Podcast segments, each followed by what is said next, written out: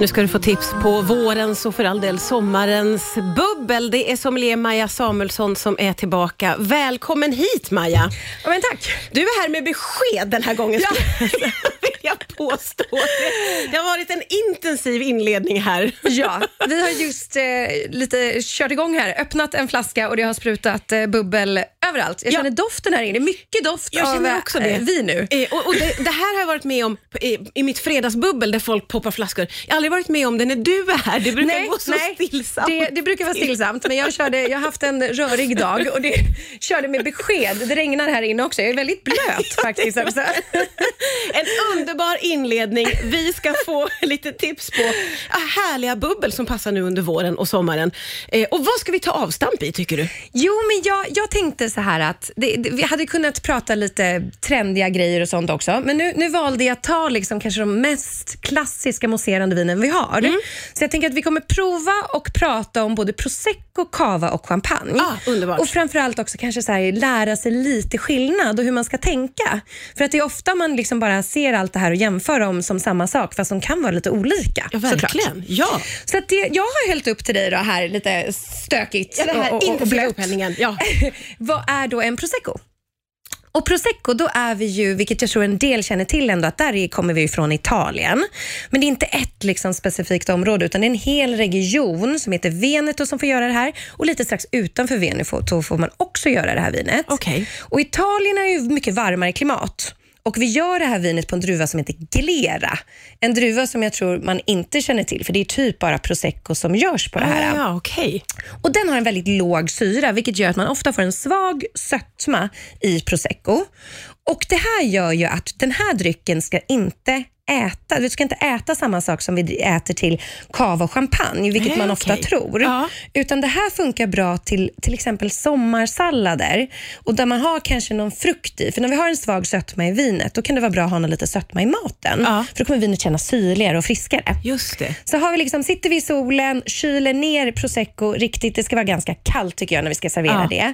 Då kommer den kännas friskare och så äter vi det till sallader som är ganska lätta, men kanske med liksom, eh, melon eller med jordgubb eller med apelsin eller med äpple i till exempel. Som det finns talar ju mycket verkligen sommarens dryck här nu. Prosecco kommer ju verkligen till sin rätt då när vi äter de lätta luncherna. Ja men precis. Och sen blev det ju tillåtet precis, alltså bara för ett år sedan, att göra rosé-prosecco. Så det är ju någonting helt nytt också. Ah. Och de tycker jag faktiskt kanske, de jag har provat håller nästan lite högre kvalitet. För där blandar vi in lite av Pinot Noir, vilket är en väldigt fin druva. Glera kanske anses lite enklare. Ah, okej. eh, men Pinot Noir är ju en av liksom de bästa druvorna vi har och det Ja. höjer faktiskt kvaliteten lite, vilket är trevligt. Ja, vad häftigt, vad Ja. roligt.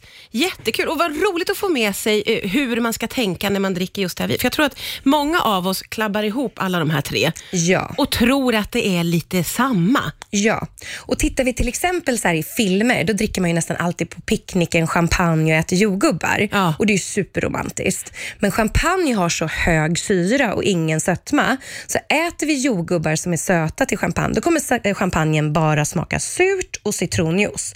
Så ska man köra picknick just, då är det ju jordgubbar och prosecco man faktiskt ska dricka. Ah, där har vi lärt oss någonting. Vi är igång här med prosecco. Vi ska ta oss vidare nu. Vad väljer vi nu då? Nu går vi vidare till Spanien och där gör vi ju då cava, vilket är det största mousserande vinet i, i Spanien. Och cava får vi lite likt prosecco också göra på ett par ställen. Det är faktiskt sju stycken olika regioner i Spanien som får göra cava. Okej. Men över 90 procent av all cava görs i Katalonien, en liten by där. Så att det är inte ursprungsbetecknat på det sättet, men nästan all cava kommer därifrån. Ja, ja, ja. ja. Eh, och vi gör, man ska väl säga så här att processen att göra mousserande vin kan vara lite komplicerad, men prosecco gör vi på ett sätt, cava och champagne gör vi på samma sätt. Okej. Så där finns det i alla fall en likhet Ja. och då har man ett moment där vinet ligger och lagras lite på sin gästfällning och då får den lite så brödig, nötig karaktär, smörkola, eh, den typen av toner, Ja. eh, vilket är väldigt härligt. Sen jobbar vi med olika druvor i Spanien till kavan kontra champagne. Så att den får ändå en annan smak och vi har mycket varmare klimat i Mm. Ja, ja, kava. ja, just det. Så att även om det finns likheter så finns det också ganska tydliga skillnader. Ja, ja, verkligen. Vi har en högre syra här, så här kan vi ändå börja jobba med lite mat som så grillad fisk, vi kan Ah. ha skaldjur, eh, vi kan till och med gå upp lite mot ljust kött beroende på vilken kava det är. Okej. Ofta tänker jag kanske att man betalar runt 100 kronor, ja, men då skulle jag kanske hålla mig på fisk och sådär. Okej. Men vågar jag gå upp i pris kanske på 300 kronor, då kan vi ju få kaver som är fantastiska. Vad är det som skiljer sig från 100 till 300 skulle du säga? Mycket skulle jag säga att man plockar druvor som har växt i lite svalare klimat, lite bättre druvor, så vi har en högre syra, vilket är bra i vin. Eh, och Sen så har man ofta legat dem, låtit dem ligga längre på den här jästfällningen Ja. och då får de mycket högre textur, mer fyllnad, vilket gör att vi får mycket mer smak. Eh, och Vi kan då liksom kanske kombinera den både till fisk, men även till kyckling, och fågel, och fläsk och liknande. Ja, ja, ja. Så man kan jobba med den på ett annat sätt. Jätteroligt att tänka sig till en god middag ju. Ja, Att få verkligen. ta kava till. Det är ju väldigt, väldigt festligt. Och Om man tittar så smak och doftmässigt så skulle jag säga att eh, proseccon då, som vi pratade om, där är det så typisk doft av pigelin och päron eller honungsmelon. Mm. Och kanske nästan lite godis, blommor. Liksom. Ja. Och tittar vi på kavan, ja, men då kan vi hitta lite liksom, absolut äpple och typ citrus och den här liksom fudgen. Men det finns också en specifik ton i kava som doftar, man kallar det i vinvärlden gummi. Men för mig doftar det precis som så här, du tänker dig nu, nu är det sommarviner vi pratar om. Ja. Tänk dig att du åker ner till, till eh, stranden och så springer du in på liksom Statoil-macken och så köper du en badboll. Och så öppnar du den här bla, liksom nya badbollen och så blåser du upp den. Du vet den här plastiga doften. Oh ja, oh ja. Den hittar jag alltid i kava. Jag känner den nu, för Ja. jag har det under Ja, näsan. exakt. jag känner den när du säger det. Ja, och det här är, hittar du den doften, då kan du blint när du får ett sånt här vin säga att det här är en kava. det är ganska coolt. roligt att skicka Och med det oss. finns något bara, alltså det finns liksom, just den här specifika doften finns liksom bara här. Eh, och är väldigt typisk. Och jag tycker inte man ska, man ska vara försiktig med, vi har massor med vintermer som kan låta riktigt obehagliga. Jag menar Ja. Sauvignon Blanc som är en fantastisk druva doftar kattpiss. Det är inte så kul. Det är inte så så det är kul. klart att plastig gummiboll, det kanske inte låter kul, men det är en komplexitet. Det är något som är spännande. Det är roligt, inte för- obehagligt på något När jag sätt. hade näsan över glaset och du sa det så kände jag det så tydligt och det är på ett väldigt, väldigt behagligt sätt. Ja. Och jag är precis där i öppnandet av påsen. Ja, men exakt, Otroligt kul beskrivet. Och sommarkänsla. Och sommarkänsla så in i. Vi pratar vidare strax här på Rix FM. Vi får tips på vårens bubbel. Det är sommelier Maja Samuelsson som är här. Vi har pratat om prosecco och vi har pratat om cava och vi ska prata om champagne. Ja, alltså. Det är ändå, champagne är ändå champagne. Ja, det är ju det. Ja. Det är ju någonting med champagne va?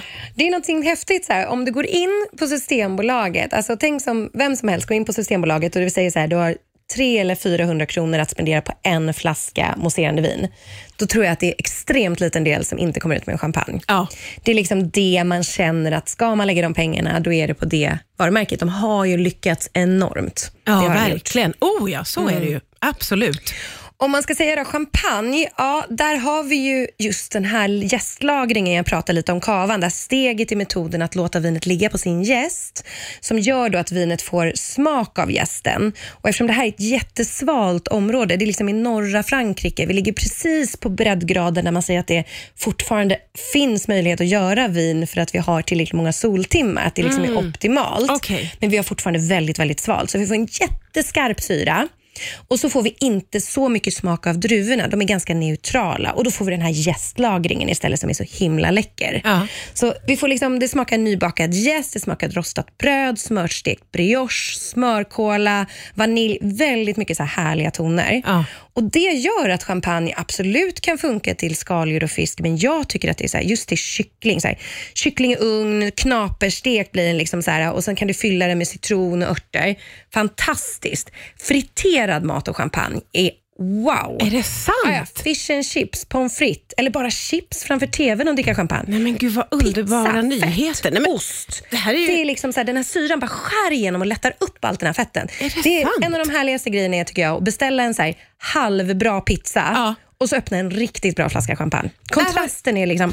Underbaraste tips jag har hört någonsin. En god fulpizza och fin champagne. Ja, men det är Där har så, du det. så härligt. Så härligt. Underbart. Så, så det är liksom det som gör champagne. Och Sen kan man hitta massor med olika nivåer i champagne och man kan prata om det hur mycket som helst. Ja, men det är ändå, man ska våga utmana drycken med kraftigare mat skulle jag säga. För okej. Ofta dricker vi det som fördrink eller till skaldjur. Ja, vilket exakt. funkar, men det funkar till väldigt, väldigt mycket mer. Ja, det här var ju väldigt roliga nyheter. Ja. Får jag ändå ställa frågan, för det finns ju väldiga eh, olika prisskillnader. Det gör det. Eh, Och vad är det för skillnader om man skulle liksom titta lite på de olika priserna skulle du säga? Ja, där handlar det ju mycket om att vart druvorna växer så kostar det mer. Eh, vi har, alltså, har druvorna vuxit i en sluttning så får du mera sol. Har druvorna vuxit i ett område där det inte är lika mycket vind så mognar de bättre. Jordmånen, hur koncentrerad den här kalken som är väldigt känd i champagne är i jordmånen ger att druvorna blir dyrare. Ja, ja, ja. Och sen de absolut dyraste när vi pratar om champagner som ligger över 1000, 2000 och sådär. Då har de legat kanske 9-10 år på gästfällningen ja. för att få den här smaken. Så det finns många faktorer som spelar in. Eh, men det är ju, alltså man kan ju få mycket för pengarna för liksom kanske f- t- 354 kronor Ja, ja. också. ja, ja visst. Eh, sen är det ju så att champagne är ett litet område som är eh, extremt eftertraktat och eh, tyvärr så, så börjar ju det bli ont om champagne. Jag har haft ett par årgångar nu champagne där det har varit katastrof. Det ja. Så att det kommer ju vara så att viner kommer börja ta slut på Systembolaget, vissa producenter som inte kommer kunna täcka och skicka tillräckligt många. Ja, det och det var en enorm prishöjning på champagne här bara för någon månad sedan. Så vi får se lite vad det här området tar vägen. Det kan Ja, ju bli ja. väldigt dyrt. Oj, ja, ja, ja man får passa på då. Ja, hem och bunkra. hem och bunkra och sen köpa fulpizza. Som vanligt, eh, underbart eh, att ha det här. Tack snälla för alla fina tipsen, Maja Samuelsson. Tack!